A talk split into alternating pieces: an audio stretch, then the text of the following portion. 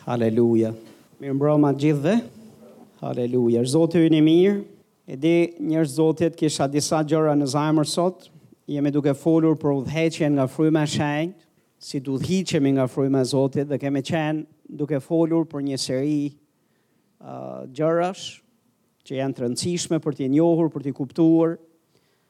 Në lidhje me drejtimin e frymës, kemi qenë duke folur për ëndrrat, kemi qenë duke folur për vizionet, nuk janë të vetmet mënyra se si fryma e shenjtë na udhëheq dhe na drejton, por në këtë proces, ndërkohë që jam duke folur për mënyrën si Perëndia na drejton, është shumë e rëndësishme të mësojmë se si ai drejton, në mënyrë që të jetë të jemi të familjarizuar me mënyrën e tij. Po ndërkohë që ne jemi të familjarizuar me mënyrën si ai vepron, të jemi në gjendje dhe të gjykojmë se çfarë është prej tij, çfarë s'është prej tij. Mënyrë që të mos uh, gabojmë, mënyrë që të mos bijem në kurthe të gabimit. Dikush të thotë amen. E di dhe sot ndërkohë që do të jem duke mësuar, Edhe do të flas për për një një vizion që një motre e jona ka parë, edhe që besoj që do të jetë bekim për ne, edhe le ta shohim se si Perëndia është në një vizion, si Perëndia është në një ëndër, dhe shihni se çfarë mesazhi përcjell Perëndia kishës, çfarë përcjell, çfarë përcjell Zoti uh, kishës kur është duke folur dhe është duke ai duke dhënë një mesazh, ai duke dhënë diçka. Ai gjithmonë, kemi thënë përmbush shkrimin, gjithmonë është në dakordësi me fjalën e tij, edhe në dakordësi me natyrën e tij. Haleluja. Le të shohim së bashku tek Hebrenjtë kapitulli 12. Hebrenjtë kapitulli 12 na thotë këtë gjë. Prandaj edhe duke qenë të rrethuar nga një re kaq e madhe dëshmitarësh, duke hedhur tej çdo barrë dhe mëkatin që na qarkon vazhdimisht duke na joshur, thotë le të rendim me durim në udhën që është përpara nesh. Dhe thotë duke i drejtuar sytë tek Jezusi, kreu dhe plotësonjësi i besimit, i cili për gëzimin që ishte përpara tij, duroi kryqin, duke e përçmuar fyrjen Thotë dhe u ul në të djathtën e fronit Perëndisë. Dikush thotë amen. Tani këto shkrime na thonë qartësisht që ne jemi në një udhë në cilën pritet që ne të rendim. Dhe kjo fjala të rendim është duke thënë që ne duhet jemi plot pasion, duhet jemi duke vrapuar, Nuk është ecje e lirë, nuk është një ecje e ngadaltë, nuk është një ecje të shohësh majtas e djathtas dhe të ulesh, të rrafshohesh, të pushosh, të flesh, pastaj ta marrësh pak ngadalë, po është duke folur për një vrap tërë zell, sikur të ishim në një maratonë të fokusuar tërësisht tek finishi, tek fundi. Dhe ne jemi në këtë udhë, që në momentin kur i kemi thënë po Jezusit, dhe derisa të mbyllim sytë dhe të shkojmë tek ai, ne duhet ne duhet që të, të ecim në udhën që Zoti ka vendosur përpara nesh. Tani çfarë është kjo udhë në cilën jemi në cilën ne duhet vrapojmë? Një herë pikësëpari është një udhë e përbashkët Është një udhë si kishë, po është dhe një udhë si ti, si, si individ. Ti vetë, personalisht, ke një vend dhe një rol në këtë udhëtim, në këtë udhë. Haleluja, dhe udha, udha në cilën ne jemi thirrur për të ecur dhe për të vrapuar, një herë pikësëpari është udhë e cila është në shkrime. Shkrimi i shenjtë është udha jonë. Bindja ndaj Shkrimit të Shenjtë është udha nëpër të cilin duhet të ecim. Sepse vetë Shkrimi i Shenjtë po na tregon edhe udhën, po edhe kufinjtë e udhës nëpër të cilin duhet të ecim. Jashtë Shkrimit të Shenjtë ne nuk kemi biznes për të bërë për të për të bërë absolutisht asgjë. Jashtë kornizës së Shkrimit të Shenjtë. Shkrimi i Shenjtë na tregon udhën, Dhe ti mund të lexosh për shembull gjëra praktike aty që si si lutja, si ndërmjetësimi, si mbushja me frymën e shenjtë, si uh, ungjillizimi, si të mbledhurit së bashku, të ardhurit në kishë, dhënia. Këto janë gjëra të cilat ne i mësojmë vazhdimisht dhe gjëra të kësaj natyre, është kështu? Po shkojmë tek shkrimi i shenjtë, i shohim dhe momentin që ne mësojmë dhe dëgjojmë nga fjala e Zotit, ne bindemi që kjo është çfarë Perëndia do. Dhe ne ecim në to. Dhe bëhemi praktikues të të vërtetës. Po kjo udhë gjithashtu është është thirrja specifike, unike, e veçantë që Perëndia ka për secilin prej nesh. Ti je i veçantë në sytë e Zotit. Nuk ka dy si ti lavdi Zotit. Disa prej nesh po të ishin dy të bëhen padurushëm, po një Në fakt jemi bekim. Je je bekim ashtu siç je. Je unik, je i veçantë në sytë e Perëndisë. Nuk ka dy si ti. Sepse Perëndia të ka krijuar në imazhin e vet dhe të ka krijuar kështu siç je. Po të donte ndryshe, ka bërë tjerë. Haleluja po ty të ka dashur kështu siç je. Dhe kur ti ke ardhur në këtë jetë, në këtë botë, Perëndia nuk të ka sjellë këtu që ti të hash bukë, të pish ujë, të martohesh, të punosh, të rritesh nga foshnje, të bëhesh burrë dhe të vdesesh një ditë. Dhe të jetosh duke planifikuar gjitha këto gjëra deri te vdekja jote. Dhe ky është cikli i jetës. Dhe kjo është çfarë Perëndia ka plan për njeriun. Kjo nuk është plani i Zotit për njeriun. Perëndia na ka sjell në këtë botë dhe ka një plan, ka një mision specifik për ne. Që për që normalisht ne duhet ham, ne duhet pim, ne duhet planifikojmë, të përdorim mendjen, të punojmë, të ndërtojmë familje dhe të ecim, këto janë pjesë e jetës normale, po plani specifik i Zotit është çfarë ai dëshiron që të bëjë me jetën tënde. Çfarë do Ai që të bëjë me jetën tënde? Dhe këtë përgjigje nuk mund të ta japë njeriu. Këtë përgjigje mund ta marrësh në qoftë se ti ecën me Perëndinë dhe zbaton atë çfarë ti di tashmë, je në bindje ndaj Fjalës së Zotit dhe kalon kohë me Perëndinë dhe i kërkon Atij të ta zbulojë, Ai do të ta zbulojë vullnetin e Vet. Do të ta zbulojë planin e Vet dhe ti do ta dish. Për çfarë të ka thirrur Zoti në këtë jetë? Çfarë supozohet të bësh ti në këtë botë? Dhe momentin që ai t'i hap sytë dhe të tregon se çfarë ai pret prej teje, pastaj pastor ti duhet fokusosh gjithë forcat e tua, gjithë energjitë e tua, gjithë jetën tënde ti duhet ta çosh rrethrrotull kësaj thirrje dhe jo të rendësh dhe të merresh me shumë gjëra dhe me çdo gjë që të del rrugës, por ti duhet ta fiksosh jetën tënde që ky është shtegu nëpër të cilin Zoti më do të ec dhe unë do bëj gjithçka që të jem më i mirë pajisur, më i trajnuar dhe i aftë që të ec pa u lodhur dhe ta përmbush planin që Zoti ka për mua. A jeni këtu? Domethënë, është plani i zbuluar i Zotit që e kemi në Bibël, dhe është plani që fryma e shenjtë ia zbulon besimtarit se çfarë ai do prej tij. Dhe besimtari është përgjegjës që ta njohë vullnetin e Zotit. Perëndia nuk na e fsheh. Perëndia nuk na e fsheh ne. Ai e fsheh për ne. Po jo ne.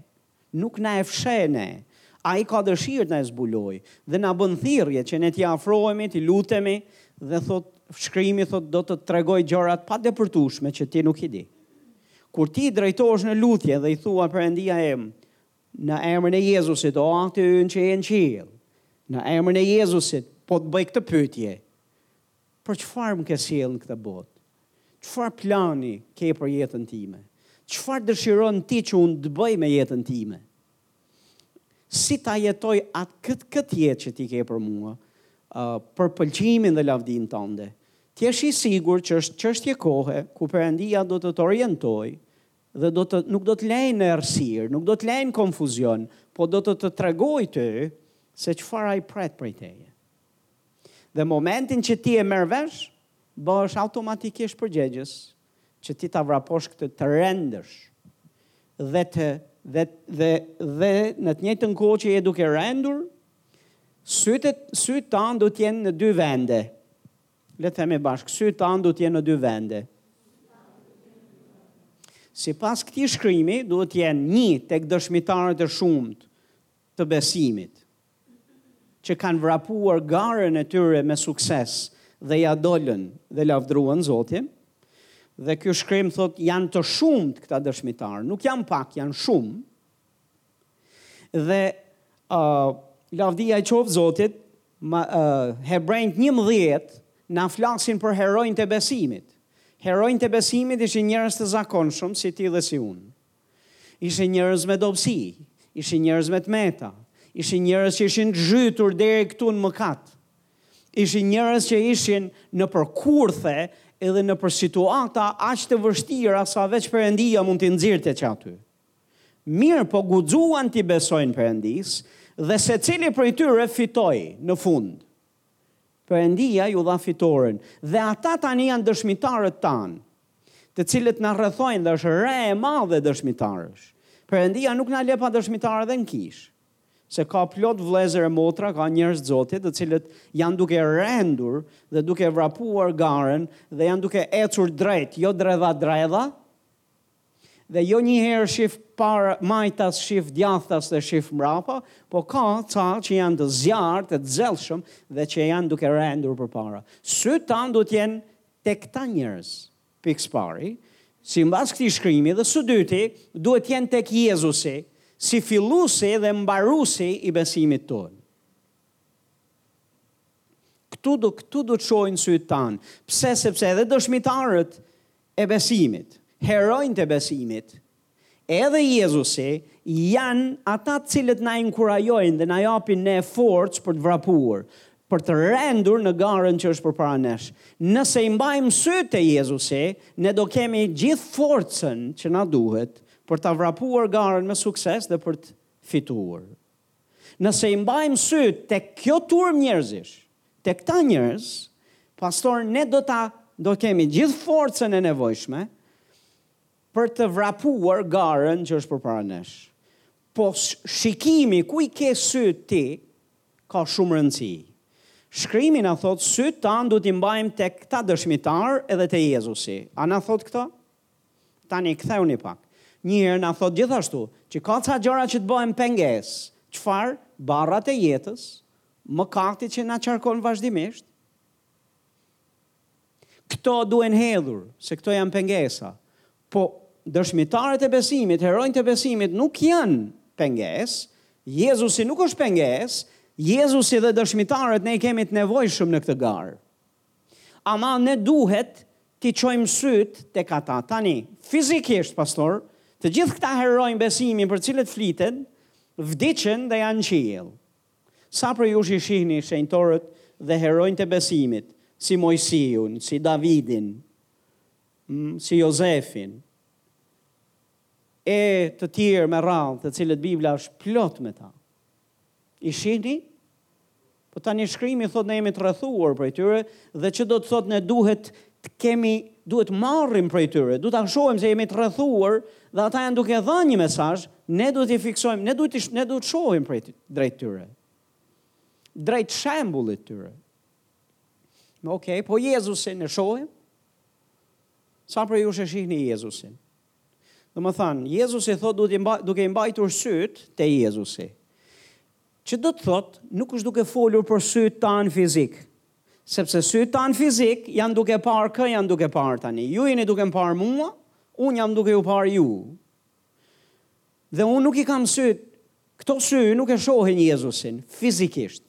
Për çfarë sysh e ka fjalën Jezusi. Për çfarë sysh e ka fjalën Shkrimi i Shenjtë që duhet t'i mbajmë tek Reja e Dëshmitarëve, Heronjtë e Besimit dhe tek Jezusi? E ka fjalën për këto sy, pastor. Heb, tek Efesianët kapitulli një, vargu tetëmbëdhjetë, thotë Pali lutet që, që Ati ynë qiellor të na japë frymën e diturisë dhe të zbulesës dhe t'i ndriçojë sytë e Sytë e kujt? Sytë e mendjes. Që do të thotë, ne paskemi sy fizik, këto që kemi këtu, po kemi edhe një, një palë sy të tjerë që nuk i shoh, nuk shihen, po që janë aty sipas shkrimit, dhe këto qenkan sytë e mendjes. Dhe sytë e mendjes mund të jenë të errësuar, Apo mund të jenë të ndriçuar. Pali lutet që Fryma e Shenjtë të na i ndriçojë, të na i hapë sytë, në mënyrë që kur të na hapen sytë e mendjes, ne të shohim, ne të kuptojmë. Tek hebrenjtë është duke na thënë t'i mbajmë sytë. tek Jezusi, si filluesi dhe mbaruesi i besimit tonë. Me tjera fjala, besimin tënd nuk e filloi njeriu. Nëse ti mendon se e ka filluar njeriu, e ke gabim, e ka filluar Zoti Jezus. Tani Zoti Jezus ka përdorur njerëz që ta fillojë besimin me ty. Po ti duhet ta dish që fillimi, filluesi i besimit tënd është Jezusi. Dhe ai është dhe përfunduesi. Po që ta lësh atë ta përfundojë sytë, jo këto, po sytë e mendjes, duhen çuar tek Jezusi. Dikush thotë amen. Ka shumë rëndësi ku i ke sytë, pastor. Uh, mbasi mbaruam një shërbesë nga këto të mërkura që kishim, mora një telefonatë nga Italia, një motër E jona në besim që Zoti është duke punuar fort me jetën e saj. Ndoshta është edhe duke na ndjekur tani. Thotë pastor, desha që të komunikoj me ty diçka, sepse është prekur nga shërbesa, kishte dëgjuar për ëndrrat dhe vizionet dhe mesazhin që po përcillja në kishë, ishte bekuar shumë dhe donte të ndante nga zemra për përjetimet e saj. Dhe po tregonte që kishte pas një sfidë, një sfidë të sajën kishte parë dy dy dy përjetesa. Përjetesa e saj e parë mbas një sfide familjare tha pash veten time që po përpiqesha në në një ëndërr, po përpiqesha të lavdroja Zotin, po kisha një lloj rëndese të madhe mbi veten dhe nuk ngreja dot as duart e mia për ta për t'i dhënë, për ta adhuruar dhe për të lavdëruar Zotin. Tha dhe kur u çova nga kjo përjetesë, kisha këtë ndjesinë e si sikur diçka më kishte po më shtypte dhe s'kisha mundësinë për ta adhuruar Zotin. Ishte ishte tronditur ca nga kjo, po dhe disa sfida të tjera familjare, që e kishin tronditur disi besimin e saj dhe pamjen e dhe idenë që kishte sjellë pikëpyetje, a është Zoti, uh, a është Zoti i kënaqur me mua? Dhe a jam unë në rregull me Zotin? Si është opinioni, si është zemra dhe mendimi i tij ndaj meje? Dhe tregon që shef një një një vizion, një vegim Dhe n'atë vegim ajo shikon veten e saj. Dhe tha, Unë e pashë veten time, tha dhe ngrita sytë drejt qiellit dhe drejt qiellit pashë një dritë të madhe, fronin e Perëndisë nga larg, edhe që shkëlqente, lavdia e Zotit ishte atje, tha dhe pashë veten time këtu poshtë në tokë, tha dhe kisha gjitha këto ndjesitë, ah, sikur të shkoj unë atje.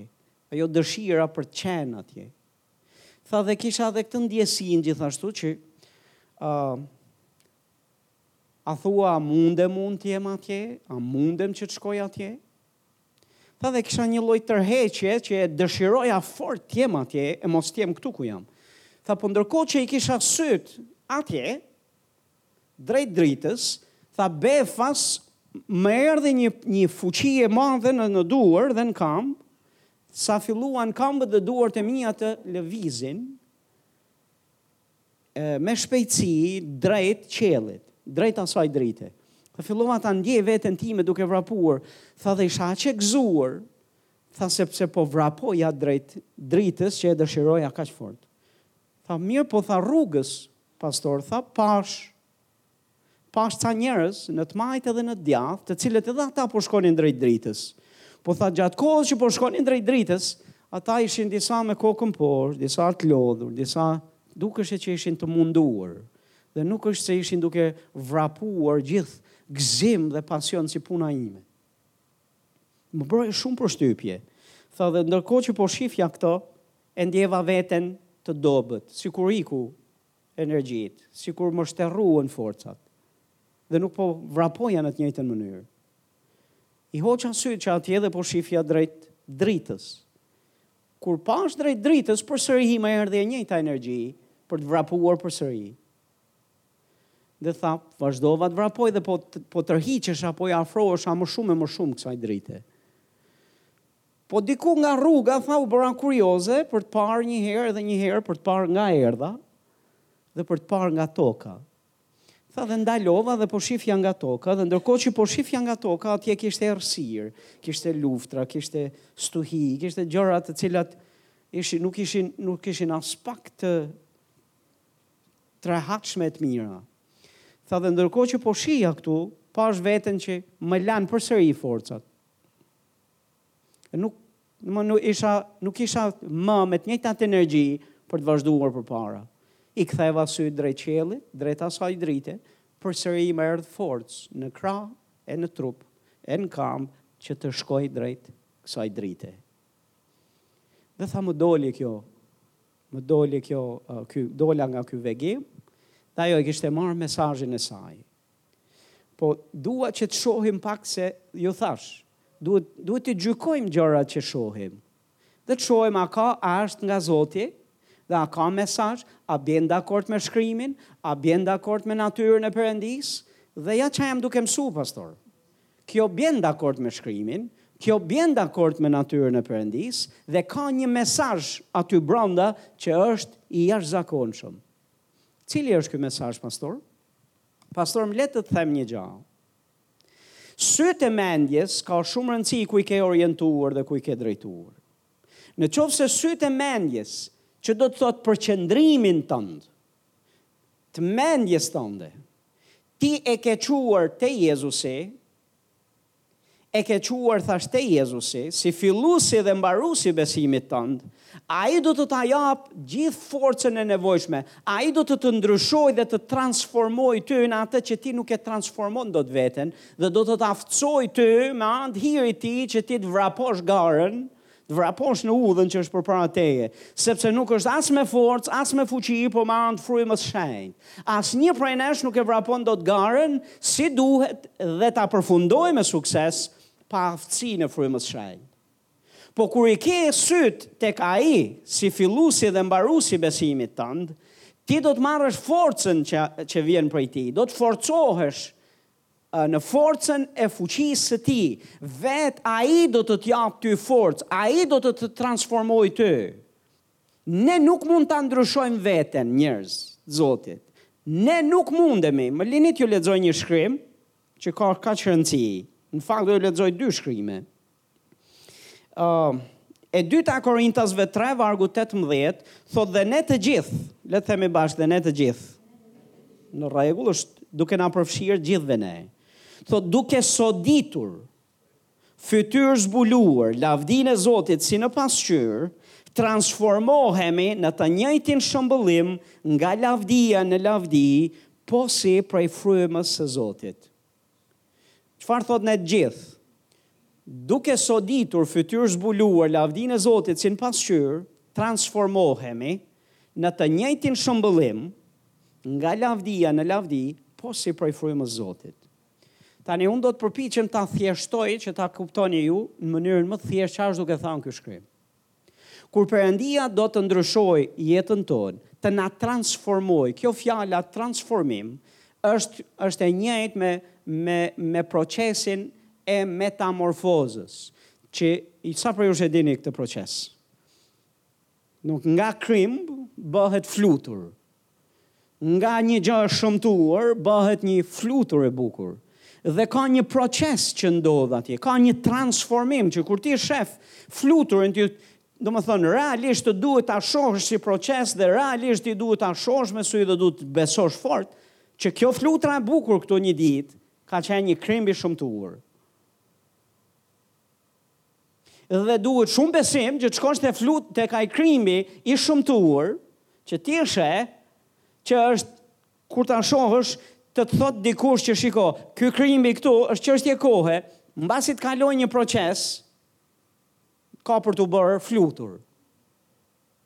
Mirëpo, Biblia na thotë, kur Perëndia do të na transformojë, dhe në fakt ai do të na transformojë ne nga të dobët, nga mëkatarë, nga të paaftë, nga të paditur, nga të zhytur në në në mëkat, nga ndërgjegje të ndotur brenda e vepra të vdekura nga jashtë, nga të vdekur në mëkat, ai na transformon dhe na jep jetë në Krishtin. Dhe është një transformim që ndodh kur ti i thua po Jezusit, Që është i pari, vdel, del nga vdekja në jetë, nga mbretëria e errësirës ti trans, ti sillesh në mbretërinë e dritës. Mirëpo, pastor, ka një proces transformimi, gjithashtu që ndodh nga lavdia në lavdi.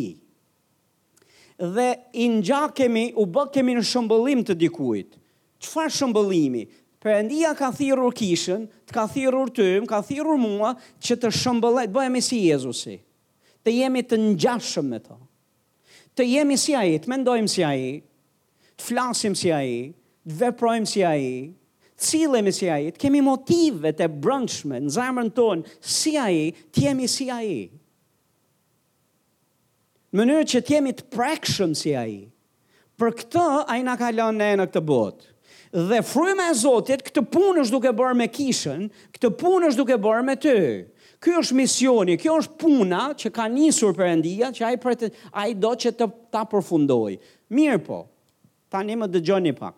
Në rregull, fryma e Zotit ka nisur këtë punë. Si e bën, si e realizon ai këtë transformimin nga krimb në flutur? Si të bën ty nga dobët fort? Si të bën ty nga ë uh, mëkatar edhe e, i, i, i zhytur në dobësitë e tua, edhe i, nga paaftësitë e tua, Si të transformon në një njeri komplet tjetër, plot forcë, plot energji, plot zell, plot zjarr edhe duke vrapuar për Zotin. Si e bën ai këtë transformimin? Çfarë procesi ndjek?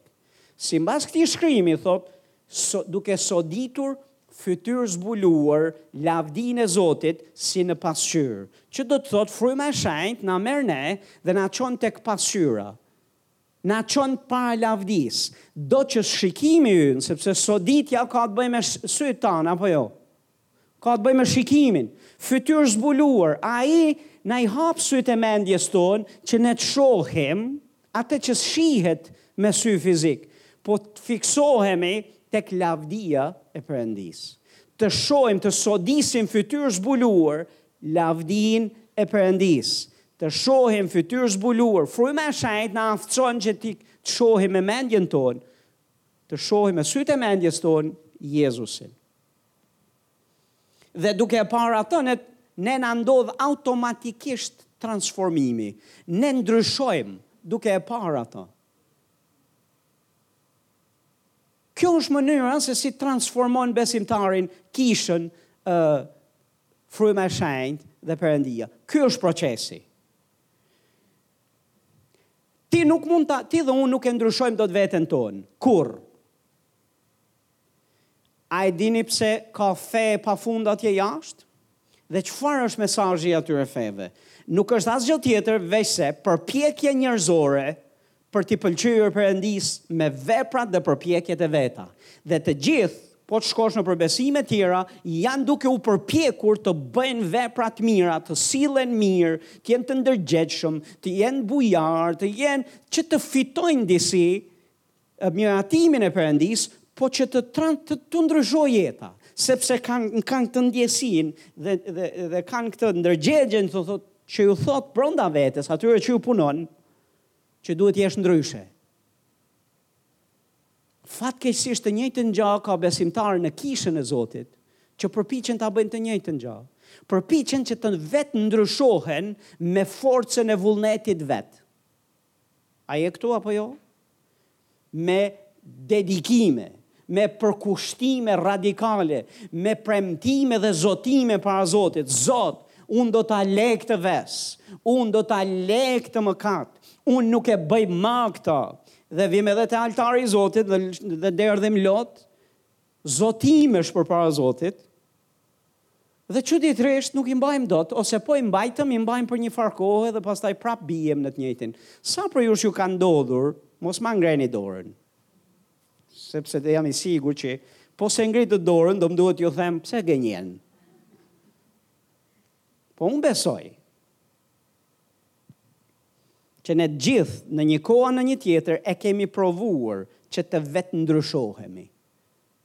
Dhe kemi parë që kemi kemi dështuar në mënyrë të suksesshme. Dhe fatkeqësisht disa prej nesh akoma s'e kanë marrë mësimin që ndryshimi nuk vjen nga forca e vullnetit tënd, se ti vendos për të ndryshuar. Po të ishte se ndryshimi do ishte në forcën e vullnetit njeriut, nuk do kish nevojë që Perëndia të dërgonte Jezusin të vdesë në kryq. Sepse ne do vetë shpëtoheshim, do vetë pastroheshim, do vetë ndryshonim, me zotimet tona dhe përpjekjet tona dhe zellin tonë e pasionin tonë do ndryshonim. Ti nuk ndryshon dot asgja. Jezus i tha asnjë fije floku, nuk e mm, nuk mundesh t'ia nxjerrësh vetes tënde apo ta rrisësh. Haleluja. Në qofë se nuk e beson, shif pastorin. Haleluja. A është Zoti i mirë? Po si na transformon Perëndia, si të transformon ai, ai do që ti të shohësh tek ai. Kur ti shikon tek dobësitë e tua, ti do të humbasësh energji dhe forcë, do të dekurajohesh dhe do pengohesh e dorëzohesh. Nëse i drejton sytë tek njerëzit të cilët janë duke ecur mefshtas në ecjen e tyre para Zotit, ti do dekurajohesh edhe do do të kesh tendencën që të bësh ecjen para Zotit si ata. Nëse ti shef në botë do të shterrojë forca për të vrapuar. Po nëse i mban sytë te Jezusi, dhe tek dëshmitarët që Zoti ka vendosur, tek shembulli, tek heronjtë e besimit, ti do të marrësh forcë. Ai do të të japë ty forcën, do të të, të transformojë ty nga lavdia në lavdi, po si prej Frymës së Shenjtë, do të të japë ty energjinë që duhet, do të të japë ty forcën që duhet, forcë të mbinatyrshme për të bërë këtë udhën, këtë vrapimin, për të rendur në udhën që Zoti ka përpara teje. Njerëz të Zotit kjo ecja jonë nuk është ecje e zakonshme. Ka nevojë për për fuqi të mbinatyrshme, ka nevojë për hirin e Perëndisë. Askush mos të mburret, asnjë prej nesh nuk mund të ecë dhe të rendë në udhën që Zoti ka vendosur para nesh, sepse çmimi është i lartë, standardi është i lartë dhe në të natyrshmen ne si njerëz e kemi të pamundur që t'ia dalim. Dhe nëse e provojmë me forcën e vullnetit tonë dhe me zotimet tona në njerëzoren, ndaras nga aftësia e tij, do të jemi profesionistë të dështuar. Dakord? Disa prej nesh e kanë këtë titull, po nuk e pranojnë. Unë them sot, griseni këtë lloj diplome, thuaj unë dua më mirë frymën e shenjtë. Dua më mirë që ai të më transformojë. Dhe çfarë mund të bëjmë? Është të pozicionojmë veten për të parë fytyrë zbuluar, të soditim fytyrë zbuluar, si n'pasqyrë, Dikush thot amen. T'i mbajmë sytë ku? Te Jezusi. Po i mbajte sytë tek problemet dhe shqetësimet e jetës. Pastor, ato do ta mbysin zërin, do ta mbysin fjalën dhe do t'ia mbysin jetën fjalës Zotit që ti ke brenda teje. Janë të dizenjuar, nëse sheh te njerëzit e gabuar, shoqëritë e gabuara, thotë Bibla, korruptojnë dhe prishin zakonet e mira. Nëse ti ke zakon të mirë për t'i shërbyer Zotit me gjithë zemër, nëse ti rri dhe ke shoqëri të gabuar me njerëzit e gabuar, të cilët nuk e kanë të njëjtin pasion me ty, nuk e kanë të njëjtin zjarr për ty, si ti, nuk kanë të njëjtin zell si ti, nuk kanë të njëjtin zemër si ti, ata do të kenë tendencën të të marrin ty tek niveli i tyre dhe ti pastaj do të humbasësh forcën, forcën dhe energjinë për të vrapuar. Fokusi ynë do të jetë shumë i rëndësishëm. Ky është mesazhi që i dha Zoti kësaj goce. Ishte duke i thënë fokusohu tek unë, te men tek fiksoji sytë tek unë. Për ne duhet të ketë rëndësi opinioni i Zotit Jezus. Ne jemi ata që ai thotë se jemi. Ne kemi atë që ai thotë se kemi. Dhe ne mund të bëjmë atë që ai thotë se mund ta bëjmë. Dhe në qoftë se njeriu dobësitë tona e kaluara jonë, bota përreth edhe i ligu na e kundërshtojnë atë çfarë Jezusi është duke thënë, sytë tanë ku duhet t'i fiksojmë dhe mendjen tonë ku duhet ta fiksojmë?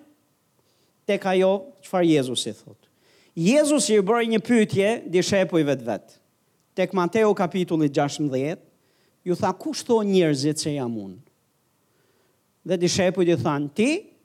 Thonë se ti je Jeremia, thonë se ti je Gjon Pagëzori, thonë se je një tjetër, një nga profetët. Dhe Jezusi çuditërisht nuk nuk u mor më me këtë me këtë, nuk u dha fare vëmendje, po tha, po ju kush thoni se unë jam? Dhe Pjetri u kthy nga Jezusi dhe i tha, Jezus, ti je Krishti, Biri i Perëndisë gjallë. Ky është momenti ku Jezusi këtë përgjigje ai nuk e injoroi. Ndërkohë që injoroi se çfarë mendojnë njerëzit për të, për të kishte A ia qëlluan ata? Ishte ai Gjon Pagëzori në fakt? Ishte në fakt Jeremia? Ishte një nga profetët? Ata ka kishin një imazh të gabuar për Jezusin. Mendonin se duhet të jetë profet, një nga profetët, po një herë i ngjan këtij, një herë i ngjan atij. Ky ishte opinioni i njerëzve. Për Jezusin nuk ishte vlerë opinioni i njerëzve, për sa kohë ai opinion nuk binte dakord me opinionin e Atit Perëndi. Dhe Jezusi u kthye nga, nga Pjetri dhe i tha, Simon, bir i Jonas, i lumtur je ti! Se këtë nuk ta zbuloi as mishi, as gjaku, por Ati yt që është në qiell. Sa prej jush doni të jeni të lumtur? Me tjera fjalë, Perëndia ynë na do të lumtur. A e dini që na do të lumtur? Haleluja. Shifni, Jezusi, mesazhet e para tek ungjijtë, janë për lumturinë. U ul, thotë në mal, turma ishte duke dëgjuar dhe ju tha, lum, lum, lum ju, të lumtur, të bekuar do të jeni nëse bëni këtë e bëni këtë e bëni këtë. Pse? Sepse mesazhi i Perëndisë është që Ai na do ne të lumtur, jo vetëm nga jashtë, po na do realisht për brenda e për jashtë, na do të shëndetshëm dhe të lumtur vërtet. Dhe Jezusi i tha Pjetrit, i lumtur je ti, se këtë nuk ta zbuloi mishi dhe gjaku. Kjo erdhi nga Ati. Haleluja. Ati Perëndi Ka një mendim për ty. Kush ti je? Çfarë ti ke? Çfarë ti mund të bësh? Dhe vetëm përgjigjja e tij duhet na bëjë ne të lumtur. Dhe përgjigjja e tij duhet na mjaftojë. Dhe kur ai flet, Çdo zë tjetër duhet shuar, çdo zë tjetër nuk duhet përfillur, qoftë dhe i njerëzve të cilët na përafrohen dhe na bëjnë sikur na njohin. Zëri i askujt nuk duhet vënë në një nivel me zërin e Perëndisë për jetën tonë. Nëse ky zë na përcillet përmes shkrimit, a na përcillet përmes frymës së shenjtë? Në zemrën tonë, pastor, ne do jemi të lumtur në qoftë se stabilizojmë zemrën tonë dhe besojmë atë përgjigje dhe marrim përgjigjen prej tij. A nuk është forcë, a nuk është bekim që ti të dëgjosh Perëndinë, të kesh këtë lloj lumturie, që Perëndia është duke e derdh edhe duke e derdh në zemrën tënde. Pastor është i pazëvendësueshëm. Është i pazëvendësueshëm. Është një gjë të të thonë njerëzit që Perëndia të don ty. Është krejtësisht një gjë tjetër të vijë Perëndia dhe të flasë ty në zemrën tënde dhe të thotë ti je biri im i dashur. Ti je biri im i dashur. Dhe unë jam i kënaqur me ty. Dikush thot amen. Është një gja të përpiqen njerëzit të të bindin ty se Ati të don ty. Është krejtësisht një gja tjetër që ai të të përshpërisë ty, ai të të flasë ty në zajmrën tande dhe të ta japë këtë mesazh. Lumturia është e lidhur ngushtë me ku kush është duke t'folur ty. është e lidhur ngushtë. Në qoftë se ne jemi duke dëgjuar njerëzit, jemi duke dëgjuar t'ligun, jemi duke dëgjuar zërin e dobësive tona në këtë ecjen tonë me Zotin, pastor, nuk do të kemi lumturi, do na mungojë gëzimi, do na mungojë vetë forca që Zoti na jep për t'ia dalë. T'ia dalë është ai në rrugën tonë me Zotin, gëzimi i Zotit është forca jonë. shkrim në fjalën e Zotit, Perëndia do që ne të jemi të gëzuar. Dikush thot Perëndia do që të jemi të gëzuar.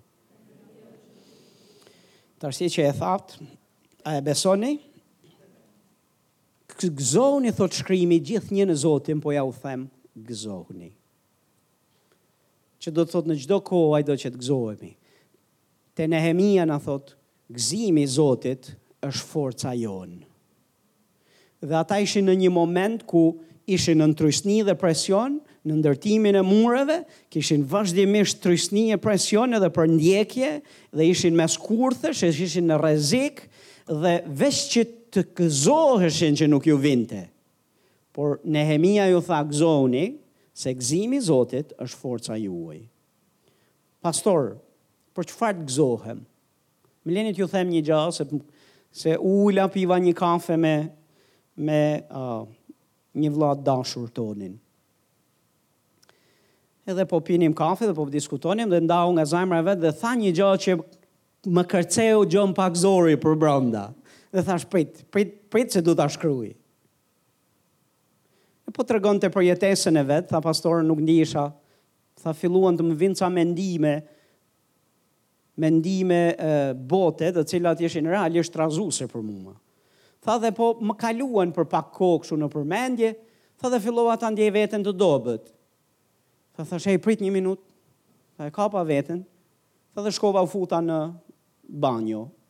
Mbylla derën se ajo është i vetmi vend tha ku mund të rrija, tha dhe thash unë do të gëzohem në Zotin, do të lavdroj Zotin, tha dhe ndërkohë që po lavdroja Zotin, atje, tha u filloi gëzimi i Zotit t'vijë. Tha dhe kur erdh, tha u gëzova, mu, më erdh forca përsëri, më erdh jeta përsëri. Tha dhe kur kjo gjaja këtu ndodhi, tha m'u kujtua një shkrim. Dhe shkrimi tha që m'u kujtua është është më gëzim, gëzohuni më shumë se emrat tuaj janë shkruar në librin e jetës, se sa ju nënshtrohen demonët. Në, në, në tek ungjijtë, Jezusi çoi dishepujt e vet, dini, i çoi në mision, dhe iu tha, dëboni demonë, shëroni të smurët, predikoni ungjillin. Dhe kur u kthyen, ata ishin tërë gëzim, të lumtur se panë që kur iu flisnin demonëve në emrin e Jezusit, largoheshin dhe dëboheshin. Dhe ky ishte gëzimi i tyre. Dhe Jezusi iu tha, gëzohuni më tepër.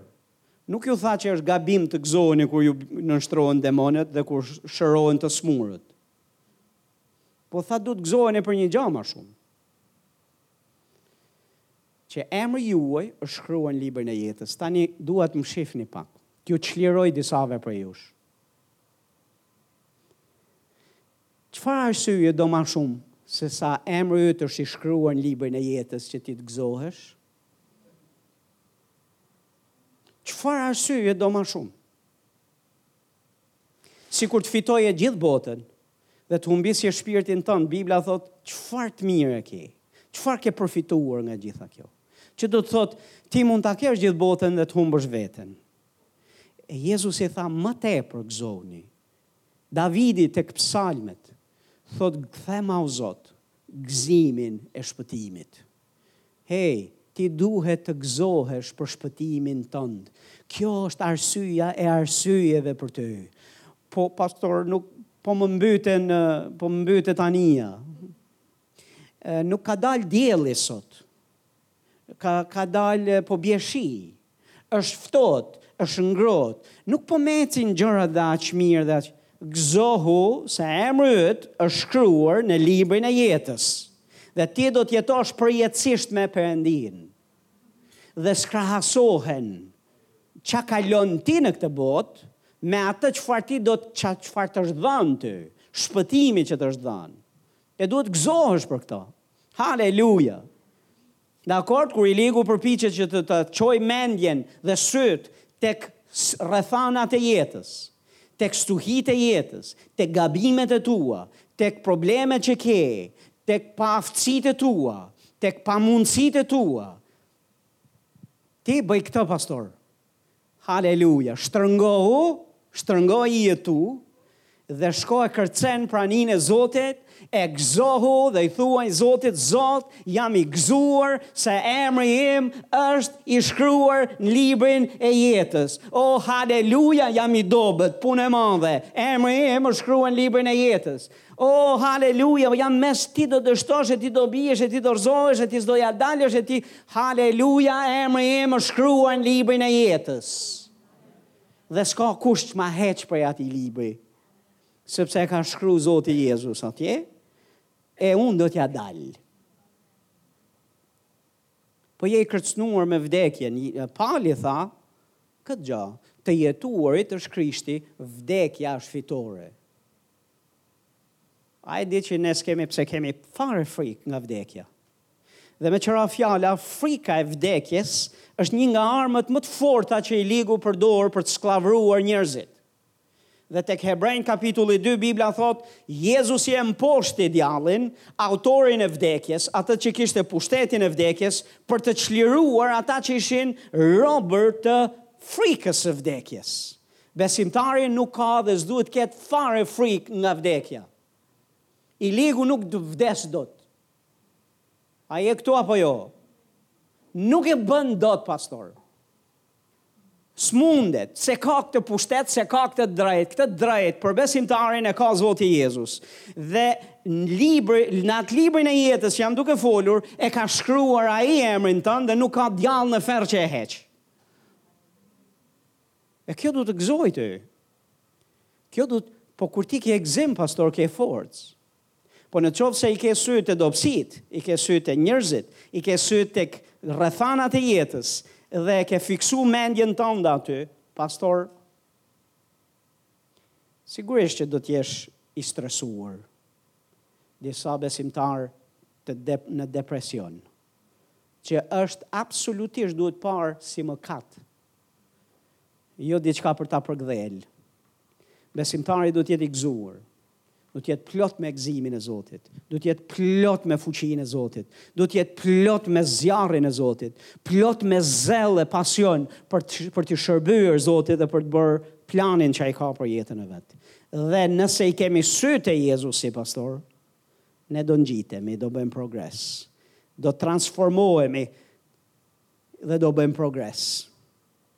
Sepse fryma e shenjtë do të na japë forcën që na nevojitet për të vrapu.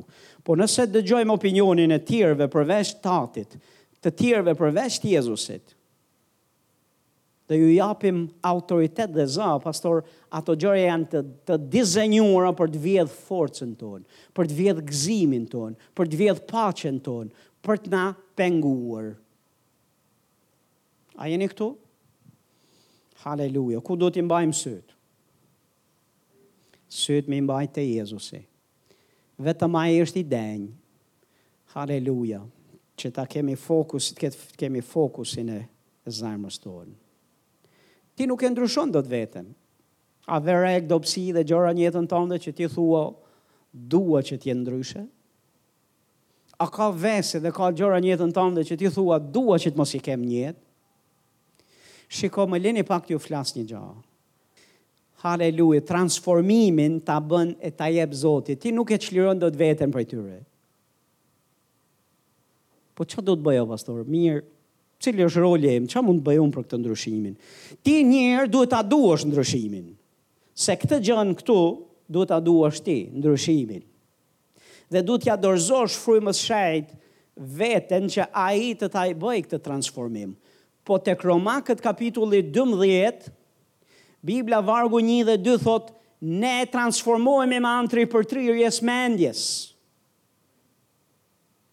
Nuk mos u konformoni me këtë botë, mos u bëni si bota, mos hyni në elementet e kësaj bote, në sistemin e kësaj bote, mos u bëni si ata. Por thotë bëni si Jezusi. Dhe si? Ripërtrirja e mendjes. Mendja jonë ka nevojë të ripërtrihet. Te Romakët kapitulli tetë ju do të gjeni që kush e kontrollon mendjen tonë ka kontrollu jetën tonë. Një mendje e kontrolluar nga mishi ynë, një mendje e kontrolluar nga dobësitë tona, një mendje e kontrolluar nga influencat e njerëzve që nuk e njohin Zotin dhe opinionet e tyre, nga influenca demonike, është e destinuar të prodhojë një gjë, thotë Shkrimi, do të prodhojë mungesë paqeje dhe vdekje. Do ketë këto pasoja. Ky do të jetë rezultati kur mendja e dikujt kontrollohet dhe influencohet nga këto burime. Po kur mendja kontrollohet nga fryma e shenjtë, nga zëri i Frymës së Shenjtë, influencohet nga zëri i Perëndisë, atëherë do të kesh paqe e do të kesh jetë. Dhe thotë, një mendje e kontrolluar prej mishit nuk mund t'i pëlqejë Perëndisë, dhe thotë nuk mundet. A jeni këtu? Që do të thotë nëse dikush thotë Haleluja, un mundem. Dhe do t'ja provoj edhe kishës, edhe Zotit, edhe errësirës që unë mundem, ti nuk mundesh.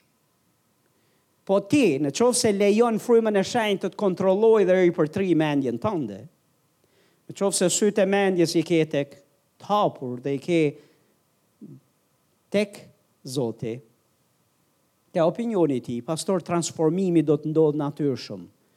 Haleluj, do të ndodhë natyrshëm dhe biles, biles, ti mund t'jesh i fundit që do t'a marrësh vesh. Veç kur të kujtohesh dhe thu, wa, po unë i kam pas kto vese, po unë kam pas këto, këto probleme, unë kam pas kto lloj dëshirash. Wow, paska ndryshu. Në qoftë se pra atë gjë që flasim më shumë ti, dhe fok, fik, fiksojmë sytë, ajo gjë zmadhohet për ne. Në qoftë se i ke te Zoti, Perëndia bëhet i madh për ty.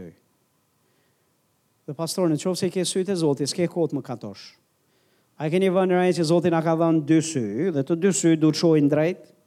Se në qoftë se njëri sy sheh këtej, tjetri sheh andej, quhen quhet strabizëm. Quhet që syt janë me probleme. Dhe ka njerëz që e kanë këtë problem dhe kanë nevojë për shërim. Dhe nëse ti je duke folur me ta, nuk e di se ka ku, ku duhet të jesh, në çfarë pike duhet të jesh, në mënyrë që të të shohë. Perëndia, njerëzit normal i ka bërë me dy sy, po që të shohin të dy në të njëjtin drejtim. Sytë tanë du t'jenë tek Zoti, dikush thot amen. O, oh, haleluja, dashurohu me Zotin, pastor. Dashurohu me fjalën e Zotit. Dashurohu me me të dhe dhe fokuso mendjen tënde tek Zoti. Gjej kënaqësi në ligjin e Zotit. Dhe kështu do të jesh i gjelbërt. Do të japësh frut në stinën në stinën tënde dhe çdo gjë që do të bësh do të ketë mbarësi. A e kuptoni sa e lidhur është ky mesazh me atë që jam duke fol? Kjo është, ky është një vegim nga Zoti. Dhe nuk është një një a një ëndër që është njerëzore më së paku. Po ka mesazh brenda. Dhe mesazhi i tij është mos shohim as majtë, as as djathtë, as as mbrapa. Të shohim përpara. Amen. Pastor, Unë jam në kishë. Dhe duket se në kishë, duket se veç unë jam më i zellshmi ndër t'gjithë. Më i, më i dashuruari, më i zjarrti për Zotin se të gjithë. Në fjalën e Zotit na flitet për Elian. Profeti Elia kishte një bindje në mendjen e vet, që ai ishte i vetmi që nuk kishte rënë përmbys përpara ë uh, idhullit, përpara Baalit. Dhe kur foli me Perëndinë, i tha Zot, të gjithë të gjithë kanë braktisur rrugët e tua, ligjet tua dhe kanë janë ndotur e kanë rënë përmbys përpara uh, Baalit. Kam mbetur vetëm unë. Kishte këtë sindrom, kishte këtë bindje në mendjen e vet, që është i vetmi. Më, më i pasionuari, më i zjarrti, më i shenjti, më i zellshmi, jam unë. Dhe, pastor, duke parë që ishte i vetmi në mendjen e vet, dhe duke menduar se realisht është i vetmi, kjo mendësi e bëri që ai, në kohën kur Jezebeli, Jezebela, e, e, e, e, e kërcënoi me jetën, Përveç se pati frikë nga fjalët e saj, kjo gjëja këtu e dekurajoi nga krahu tjetër, i vodhi forcën dhe energjinë sepse mendoi se vërtet nuk ka të zellshëm më, s'ka ngel kush tjetër përveç meje. Është dekurajuse kur ti mendon se je i vetmi, i zellshëm, në kishën e Zotit, të gjithë janë hipokritë. Të gjithë s'po ecin si duhet. Të gjithë, majtas e djathtas kanë probleme dhe dobësi. Disi, me mendjen tënde je duke thënë veç ti, që i vën re gjitha këto, ti je në rregull. Pastor hiqi sytë nga nga njerëzit.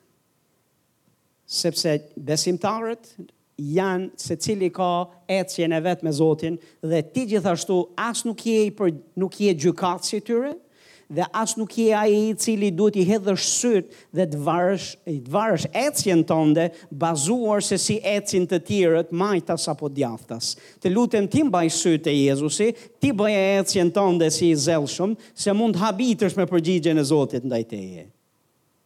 A jeni këtu? Dhe mbaj sytë tek Jezusi, edhe në qoftë se duket sikur vëllezërit janë duke, nuk janë duke ecë ashtu si duhet. Mos u merr, mos ndalo të merresh me se si ecin ata dhe dekurajohesh, ti ec për veten tënde. Nëse ata s'janë të zjarrtë, Kjo nuk është justifikim mos të jesh ti i zjarrtë. Nëse ata s'janë duke ecë në dashuri, kjo nuk është justifikim për ne mos të ecim në dashuri. Nëse ata janë duke ecë dredha dredha dhe duke komprometuar me jetën e tyre dhe duket sikur është duke iu ecë mbarë, kjo nuk duhet të jetë justifikim për ty që ti të bësh të njëjtin, të marrësh të njëjtin shteg.